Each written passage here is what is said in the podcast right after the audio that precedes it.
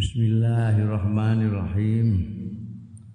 Qala al-muallif rahimahullah wa nafa'ana bihi wa bi ulumihi fid dharain amin. Ja'at lida'awatihil asjaru sajidatan tamshi ilaihi ala sakin bila qadami. Ka'annama satarat satran lima katabat furuha min badi il khatti bil qawmi mislal ghamamati anna sarasairatun taki kharrawati sin lilajiri hami. Ja'at teka li dakwatihi krana pengundange. Anjing Rasul sallallahu alaihi wasallam apa al asjaru pira-pira wit-witan? Sajidatan hale padha sujud. Tamsi ilaihi lumaku ya asjar ilaihi marang Kanjeng Rasul sallallahu alaihi wasallam ala sakin ning atase wentis bila qadami. Wentis itu betis. Bila qadami tanpa delamaan kaan nama satarat kaya dene menggaris bawahi. Garis nama kaya-kaya garisi ya asjar. Satron kelawan garis tenanan garis tebal. Lima maring barang katabat sing nulis apa furuha cabang-cabange asjar. Mimbadi il khatti saking indahe tulisan bila komi ana ing dalan. Tepani misal mati. Tepane kaya dene mendung. Annasara ning diae melampah sapa Kanjeng Rasul sallallahu alaihi wasallam sairat sairatun niku mlaku takihi jaga ya ghamama ing Kanjeng Rasul sallallahu alaihi wasallam kharawatisin ing panase awan ban. Lil haji kedue kaya beduk ngono kaya awan sing paling panas itu ya pas beduk lil hajil. Hamnya sing panas banget. Ini imajinasi ini.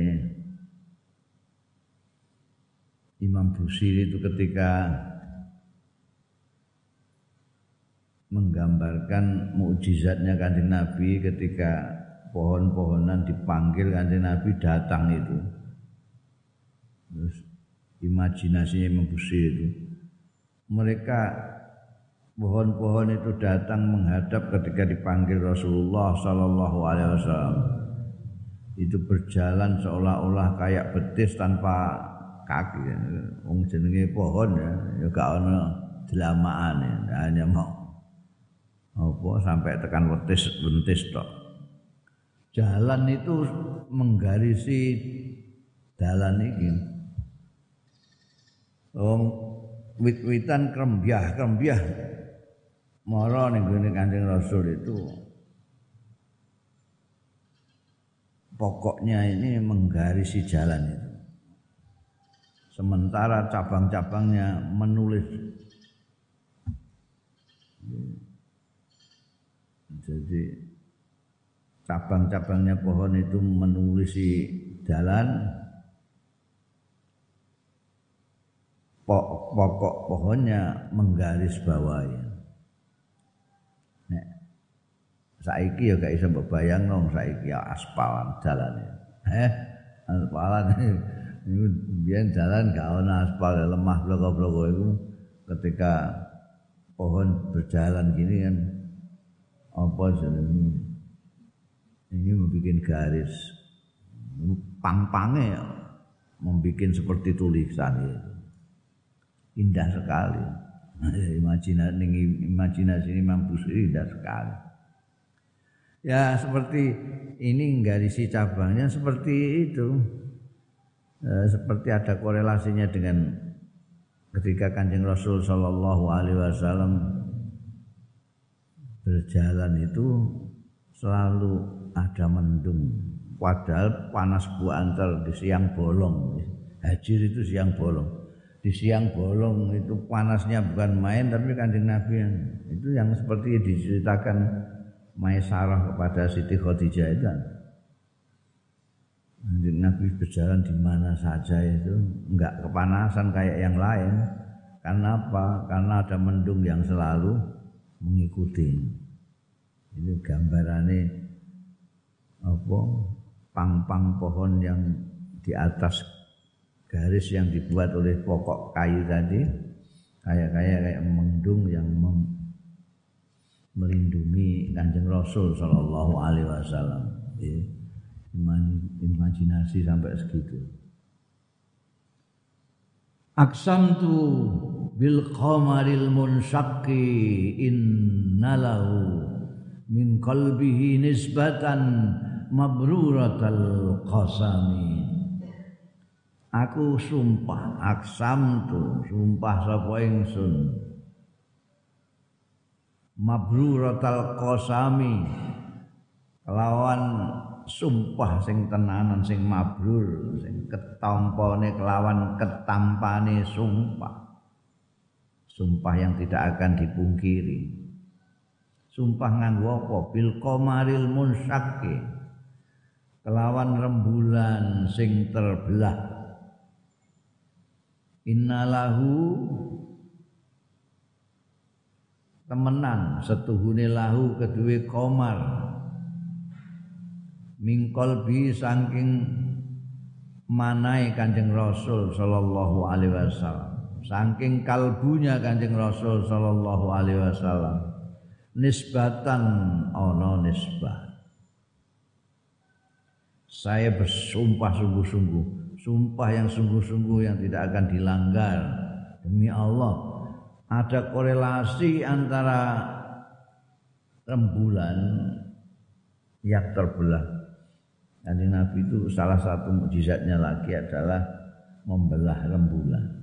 Banyak sahabat-sahabat yang meriwayatkan hadis pada saat orang-orang kufar Mekah minta kanjeng Nabi supaya mengeluarkan mujizat dengan cara waneh jaluk supaya bulan dipecah pada waktu itu dibelah oleh kanjeng Nabi menjadi dua.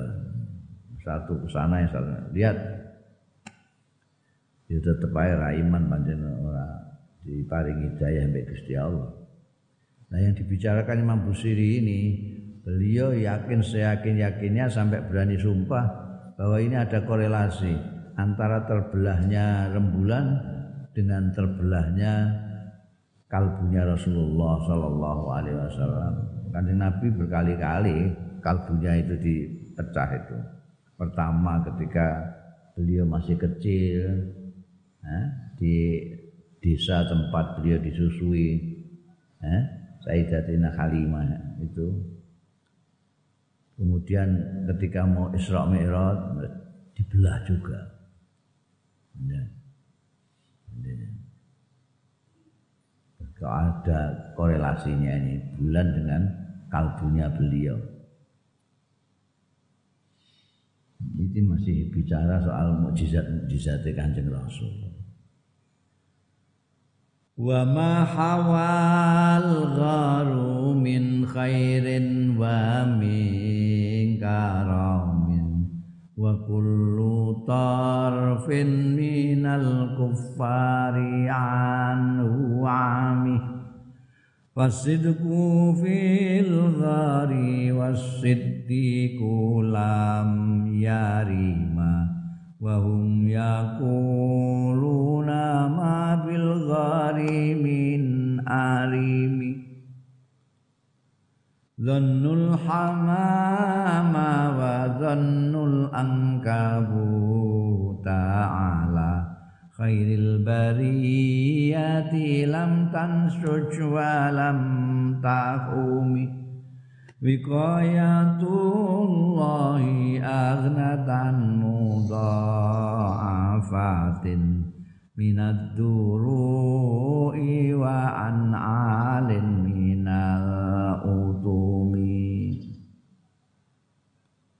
wa ma hawal gharu min khairin.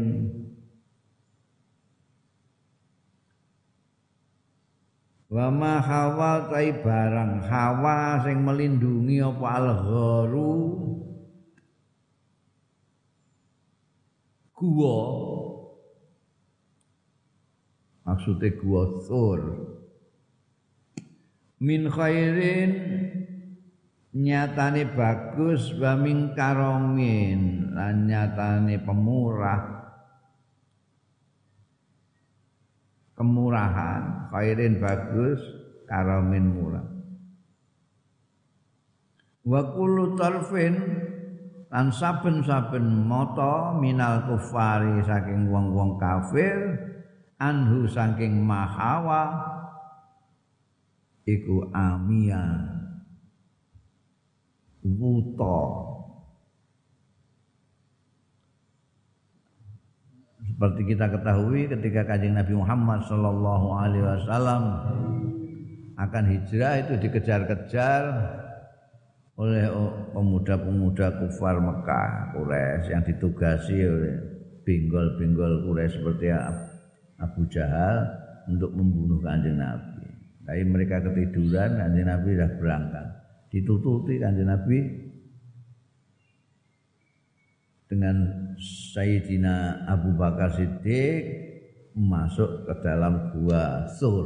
Gua Sur itu gua yang ada di Mekah sana kira-kira 4-5 km dari Mekah.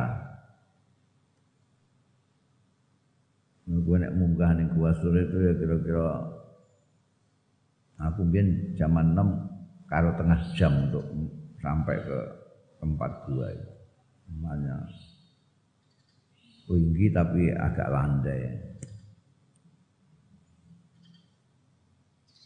Gua ini cilik aja, jangan kamu bayangkan gua ini gini menjuru-menjuru kan. Itu kayak batu menindih batu gitu saja.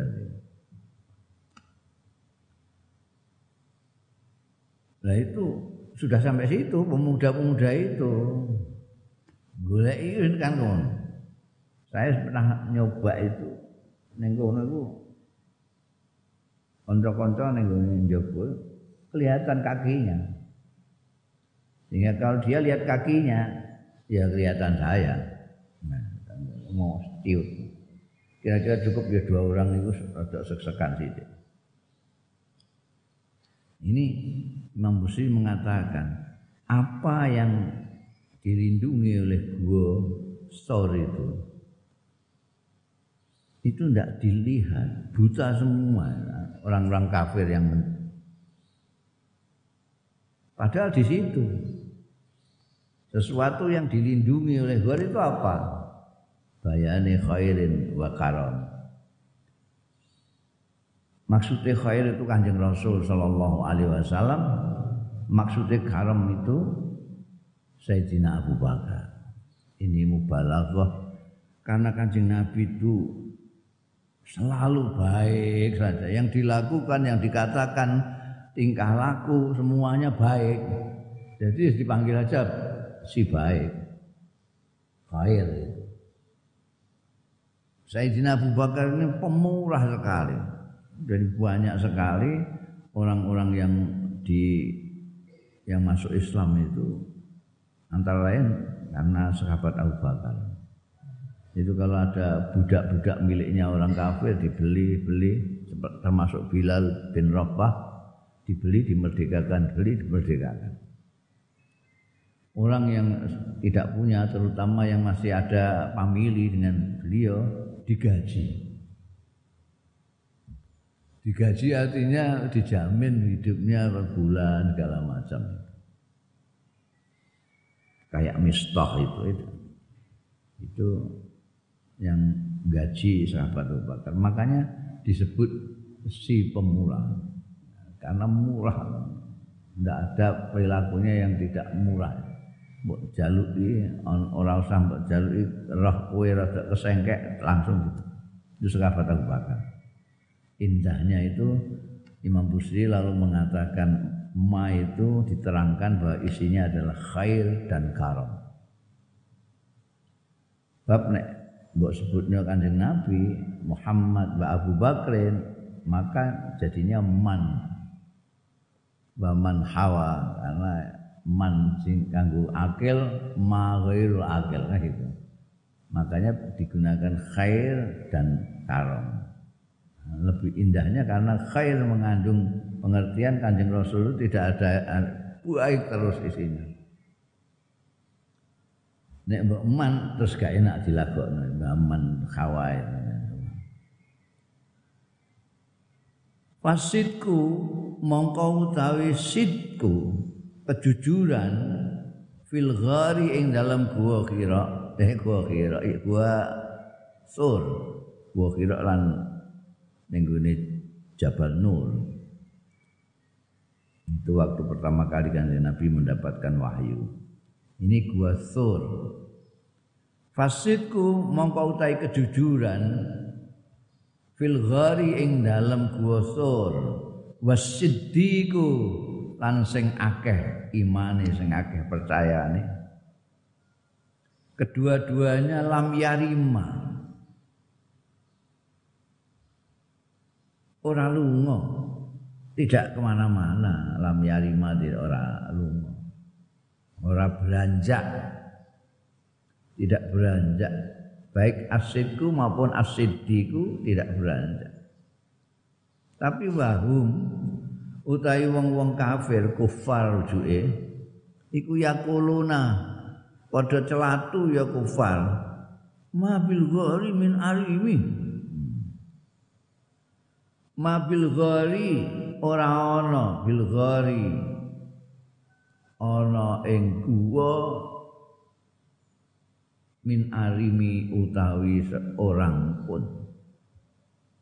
Nek seorang mabil ghari arimun. Tapi seorang pun itu ditambahi min. Min zaidah untuk mengatali taklil ya, jadi ziyadah min litaklil jadi seorang pun wong di situ ada kejujuran di situ ada yang sangat beriman tidak pergi ke mana-mana, tidak beranjak. Dari tadi ya di situ itu delik. Mereka yang mewawancari itu mengatakan tidak ada, tidak ada, tidak ada seorang pun. Padahal dia kalau lihat kakinya akan lihat itu. Asidku seperti tadi, asidku itu maksudnya kanjeng Rasul Shallallahu Alaihi Wasallam karena tidak pernah tidak jujur, jujur. Jadi disebut si jujur, sang jujur ada di situ. Sahabat Abu Bakar disebut asidik itu karena apa pun yang disampaikan oleh Kanjeng Rasul sallallahu alaihi wasallam. Meskipun tidak masuk akal sekalipun Kanjeng apa sahabat Abu Bakar percaya. Ketika Kanjeng Rasul sallallahu alaihi wasallam mengabarkan bahwa beliau malam itu dari Masjidil Aqsa lalu naik ke atas langit sampai ke tingkat ketujuh sampai ke Sidratil Muntaha sampai ke Mustawa dan balik lagi malam itu juga. Orang-orang kafir sudah senangnya bukan main ini saatnya. Jadi harus selalu mencari-cari lubang bagaimana menjatuhkan ganjeng Rasul Shallallahu Alaihi Wasallam. Ini ada menurut mereka cerita yang tidak masuk akal. Ini kita beritahukan sama Abu Bakar Begitu Abu Bakar nggak percaya, semua orang akan nggak percaya semua.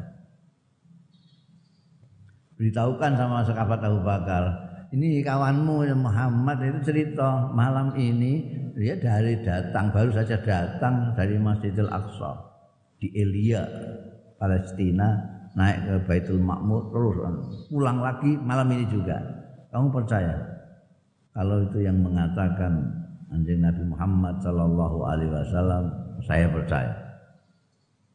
Setiap hari setiap saat saya diberitahu beliau dapat wahyu dari langit saya percaya kok. Itu lalu dijuluki as-siddiq. Maka yang dimaksud as-siddiq adalah sahabat Abu Bakar as-sidku kanjeng Rasul. Ini indah sekali. Jadi memanggil sifat yang karakter yang menonjol seperti tadi itu. Khair dengan karom di sekarang asidku wasiddiq Duh, tidak beranjak. Beliau berdua tidak beranjak dari gua itu. Tapi matanya orang-orang kufar sekian banyaknya tidak ada. Yang tahu. Bahkan mereka mengatakan tidak ada seorang pun. Kok gak dimasuki apa piye terus mengatakan mabil ghal min arimi. Tidak ada seorang pun. Zannul hamama padha nyono ya wong wong kafir kufar juke ning ngene bait sebelumnya. Nyono ya kufar alhamama ing burung merpati manuk doro. Nek hamam tanpa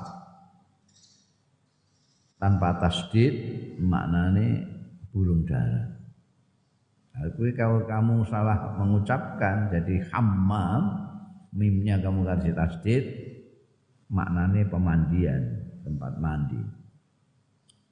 Zonul hamama padha nyono kufar al ing manuk dara wa zannu lan ya padha nyono ya kufar al angkabuta ing kala monggo.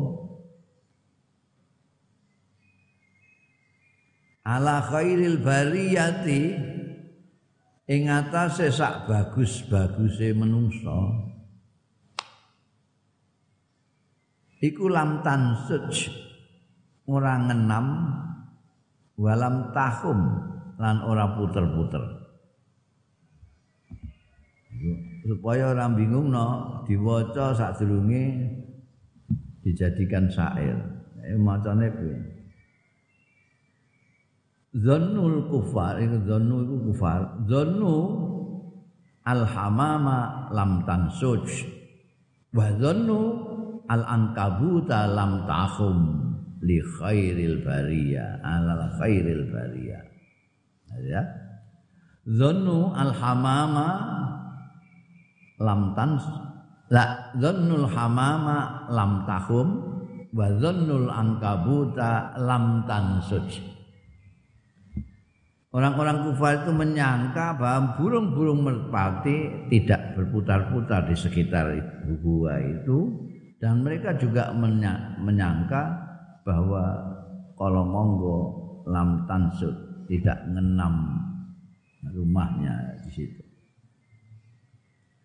Jadi itu kuasane Gusti Allah itu begitu Kanjeng Nabi dan eh, Sayyidina Abu Bakar masuk ke dalam gua itu. Itu cuma segini begini jadi kayak ada batu besar yang jatuh di batu yang segini jadi itu eh. ini terus mulutnya gua itu tidak begitu besar, ya. cukup untuk masuknya orang aja. Dengan cepat, kalau monggo itu bikin rumah saja. Jadi kan berarti bikinnya rumah itu kalau monggo itu hanya sewaktu anjing Nabi rawuh ke gua dan orang-orang kafir melilir dari dalamnya kanjeng Rasul. gitu ngelilir kaget hanya ini terus digoleki ngupung-ngupung-ngupung sementara kalau monggo bikin ini begitu sampai sana di depan gua itu ada burung merpati sedang main-main di situ dan di sini mulut gua itu ada rumah kalau monggo itu jadi tidak usah diperiksa. Yakin tidak ada orangnya. Kalau ada orangnya masa ada kalau monggo di situ. Masa burung itu tidak terbang di situ.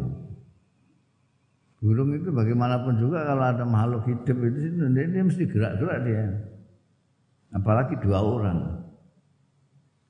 Karena burung-burung itu tidak terbang di mulut gua ini ada rumah laba-laba maka mereka menyangka pasti tidak ada orang mabil ghairi min arin itu kuasane Gusti Allah kalau sudah mau melindungi orang. Wiqayatullahi utawi perlindungan Gusti Allah taala. Aghnat orang memerlukan aghnat itu. Ya wiqayatullah an mudha'afatin saking tikel mati kele hmm, saking tikel-tikel minat durui saking baju-baju besi. Saiki jenenge apa pakaian besi itu baju besi, baju tahan peluru itu. Baju besi. Dulu itu jamaah darun baju besi dulu dipakai di dada sini sampai sini. Wa an alin lan saking sing luhur sing dhuwur minal utumi saking benteng. Tuhan kalau menghendaki melindungi hambanya ya seperti melindungi kanjeng Nabi dan Sayyidina Abu Bakar itu tidak perlu dengan berlapis-lapis baju baja anti peluru tidak perlu tidak perlu juga benteng yang tinggi-tinggi kalau Tuhan menghendaki menjaga, membentengi hambanya. Cukup dengan burung dara dan rumah apa? Laba-laba, laba-laba melindungi kanjeng Nabi dari ancaman orang-orang kafir itu termasuk dihitung Imam Busiri sebagai mukjizat.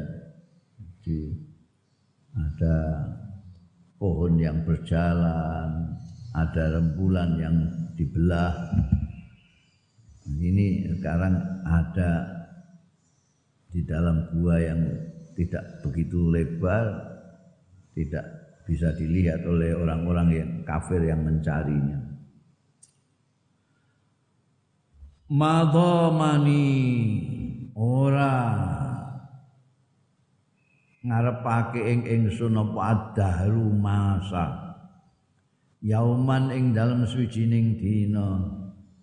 Wastajartu lan jaluk pelindungan sapa ingsun bihi kelawan Kanjeng Rasul sallallahu alaihi wasallam.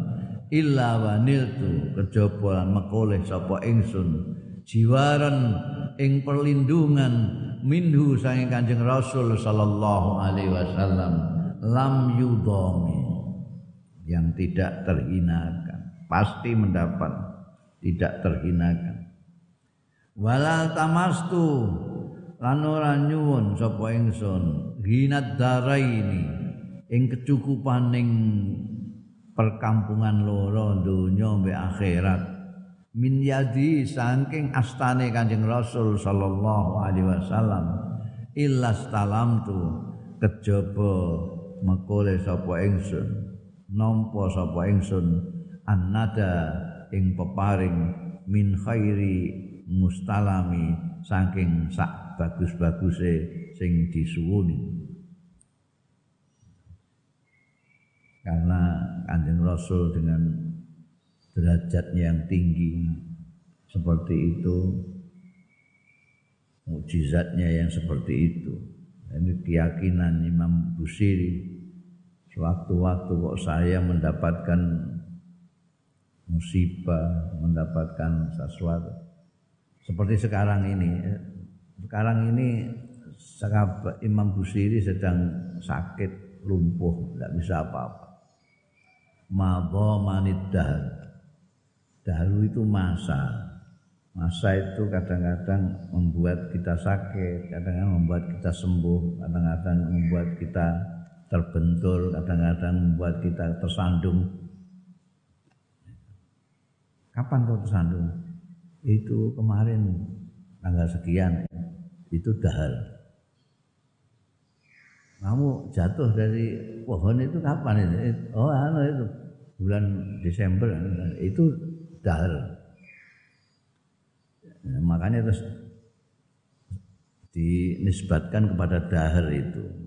Kalau saya suatu saat saya dapat ancaman dari masa, dari dahar, dan saya mohon perlindungan kepada Kanjeng Rasul Shallallahu Alaihi Wasallam, pasti saya mendapatkan perlindungan yang tidak sia-sia. Bagaimana caranya? Ya itu, kalau zaman dulu ya minta perlindungan kanjeng Nabi. Oh, sahabat-sahabat itu kalau dalam keadaan yang kritis takut ya ke kanjeng Nabi, dilindungi kanjeng Nabi. Nah sekarang pada zaman Imam Busiri itu ada masih 12 abad jaraknya dengan kanjeng Nabi. Terus mintanya bagaimana? Istijarnya bagaimana?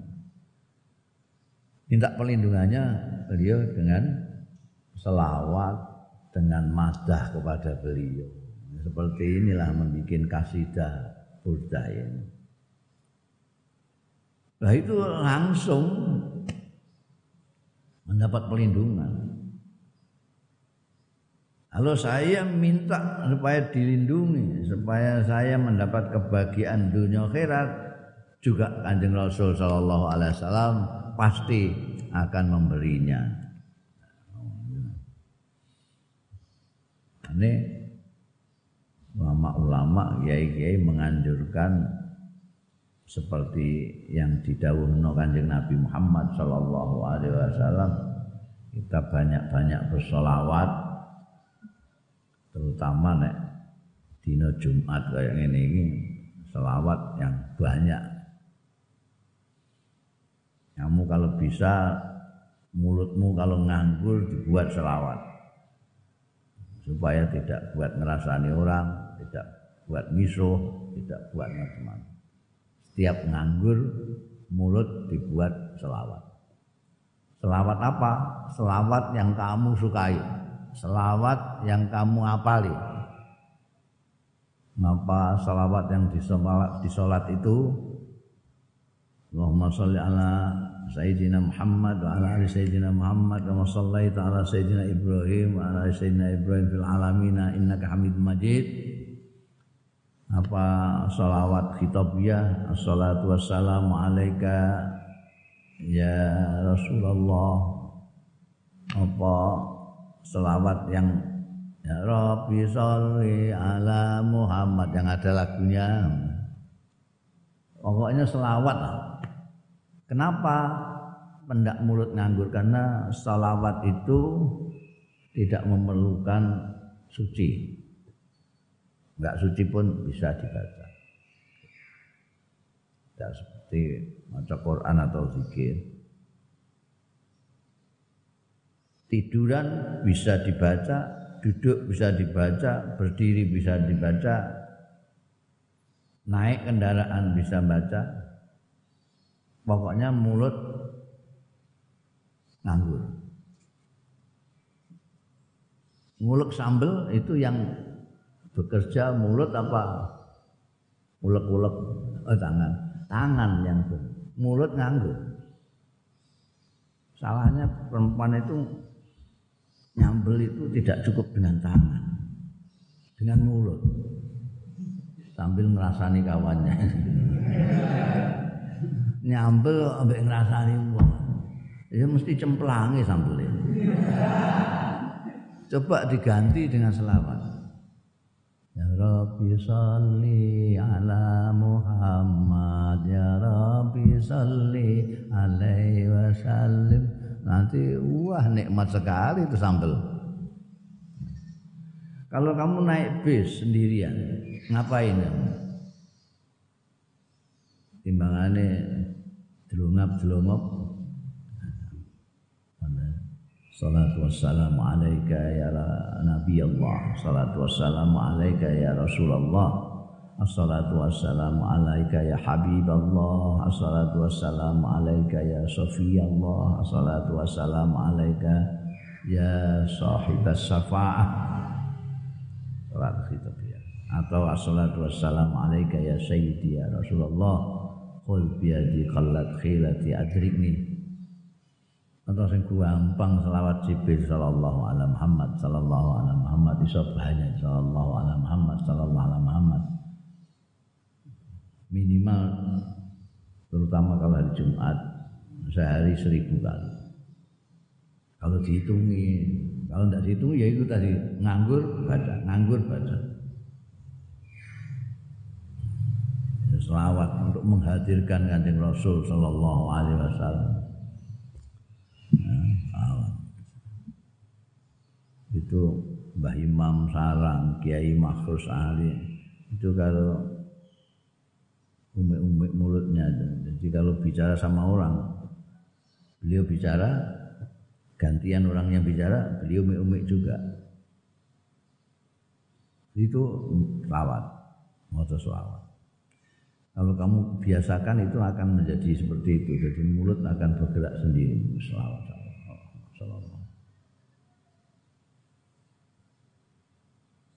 Wong Gusti Allah saja selawat apalagi kita. Kan terlalu lah. Innallaha wa malaikatahu yusalluna ala nabi. Kita enggak maca ya keterlaluan umat kan Kita banyak sebanyak-banyaknya untuk meminta perlindungan. Hah? Istajar untuk minta ginat darai supaya kita disafaati mendapatkan keselamatan kebahagiaan di dunia dan di akhirat minta kepada kanjeng Nabi dengan cara berselawat itu tadi hendak tangkem nganggur nanti kamu terus otomatis tidak pernah ngerasani wong. Karena wong ngerasani wong itu mulutnya nganggur. Mulut nganggur kecutan terus dibuat ngrasani wong. Iki kok kecut iki piye ya? Ah ngrasani wong ayo. Kadang-kadang ada yang disengaja. Wis bareng-bareng ngelompok ngumpul kadang-kadang sing dirasani blas ora kenal. Ngrasani kok wong ora kenal blas? Iya aku maca diingini gone aku iku. Ning WA ngrasani wong gak kenal apa. Melok misai wong sing ndikne ra kenal. Mergo gara-gara tampa share. Sing misai iki melok-melok. Iya. Iki hisape ndak karu-karuan ya. eh misai musai wong sing ndikne gak kenal iku saiki umum mergo gara-gara dhek krungu ana kancane kancaku kok misai berarti aku kudu melok misai itu piye? Misalnya kok taklet itu piye? Iya, aneh. La tungkiril wahya min ru'yahu inna lahu qalban idza namatil ainani lam yanamih wa dzaka khina bulughi min nubuwati falaisa yung karu fi khalumu rasa kuatir kan dia maca lagune tepat ya mesti bener ibadah saire Imam La tungkir ngingkari sira al wahya ing wahyu min ru'yahu saking impiane Kanjeng Rasul sallallahu alaihi wasallam. Kena apa? Ngipi kok. Dindel ya candel wong sing ngimpi Kanjeng Nabi. Kena apa? Innalahu khalban. Setuhune lahu iku kagungane Kanjeng Rasul sallallahu alaihi wasallam kolban ati mana kalbu Idza namatil ainani kang tetkalane turu sare apa al ainani netra kali Kanjeng Rasul lam yanam ora sare apa kalbu Aja mbok engkari. Lho ngipi wahyu kok dipercaya. Ngipi kok dipercaya sebagai wahyu. Lho iki ngimpine sapa dhisik? Ora ngimpine dapurmu. Iki ngimpine Kanjeng Rasul sallallahu alaihi wasallam. Tidak bisa diingkari. Karena apa? Kanjeng Rasul sallallahu alaihi wasallam itu walaupun kedua matanya tidur, kalbunya tidak tidur. Karena dawuh Kanjeng Nabi ini netranya bisa tidur, tapi kalbunya tidak pernah tidur. Wadaka dan itu datangnya wahyu dalam impian. Iku khina buluhin ketika sampai min nubuwati saking kenabiane Kanjeng Rasul sallallahu alaihi wasallam. Falaisa yungkaru mongko ora ana iku yungkaru diingkari fihi ing dalam masa buluh seperti itu. Apa halu muhtalimi kondisine wong sing ngimpi. Kanjeng Nabi memang sudah pada saat bermimpi mendapat wahyu itu sudah 40 tahun. Sudah sudah memang masanya mendapatkan wahyu. Tabarakallahu wahyun bimuktasab wala nabiyyun ala ghaibin bimuttaham Tabarakallah maha luhur Allah ma wahyun ora ana kai wahyu iku bimuktasabin digoleki. Wala nabiyyun lan ora kai nabi. Ala ghaibin ing atase perkara sing gaib iku mutta bimuttahami dicurigai.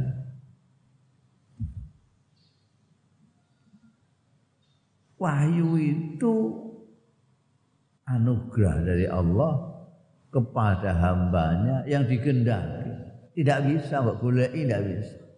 Tidak bisa. Mungkin wali ngono bisa mbak golek dengan mesu diri, membersihkan hati sebersih-bersihnya, banyak mendekat kepada Allah dengan memperbanyak kesunahan-kesunahan. Itu bisa. Kamu lama-lama jadi wali. Istiqomah melakukan bukan hanya sembahyang fardu, bukan yang fardu-fardu saja, tapi kesunahan-kesunahannya dengan membersihkan hati sebersih-bersihnya lama-lama kamu bisa jadi wali. Tapi kalau nabi tidak bisa. Nabi itu paringan Gusti Allah. Ma wahyun bimuktasa, tidak. Kalau sudah nabi itu bicara gaib-gaib pun tidak akan dicurigai, tidak, tidak ada orang orang bodoh saja. Ada nabi cerita tentang neraka kok terus Oh aneh banget neraka itu apa? Ya, padha karo wong musyrik itu, wong kafir. Nabi harus sudah nabi, itu tidak bisa diingkari apa saja termasuk bicara soal gaib. Itu pun kanjeng Nabi Muhammad Shallallahu Alaihi Wasallam sebagai nabi bicara gaib tidak sembarang. Terus kondo besok hari Senin ini ada ini ada ini enggak bicara yang bicara yang gaib itu maksudnya bicara tentang malaikat, tentang malaku di samawat wal ardi, tentang kondisi neraka, kondisi surga dan kondisi langit gitu ya. Itu karena beliau mendapat wahyu dari Allah Subhanahu wa taala. Bukan kehendaknya sendiri, bukan mencari-cari, tapi mendapat anugerah dari Allah Subhanahu wa taala. Kamu nggak bisa. Aku tak golek piye carane. Apa poso mutih ngono apa iso. Iku ora kepengin jaduk ini. Kepengin jaduk, kepengin jadi wali insyaallah bisa. Wali itu carane kowe nek kepengin jadi wali iyatimu continue konsisten melakukan sol, apa kefarduan-kefarduan ditambahi kesunahan-kesunahan. Jadi main sembahyang misalnya qobliyah, ba'diyah juga dilakoni. Sembahyang duka dilakoni, sembahyang wes iku. Terus saya aja butang sugih duit. Ya sembahyang duka, sugih utang ya sembahyang duka. Kowe ngangel kowe. Biasane sugih dhuwit sembayange ora. Sugih utang sembarang dengah disembayang terus. Sembayang sunat apa ya sampai sembayang sunat rebu kewekasan bareng. Nek sugih utang. Ini, itu ndak istiqomah. Istiqomah itu ndak ndak urusan iklim. Urusan keyakinan, keteguhan hati kam abroat wallahu a'lam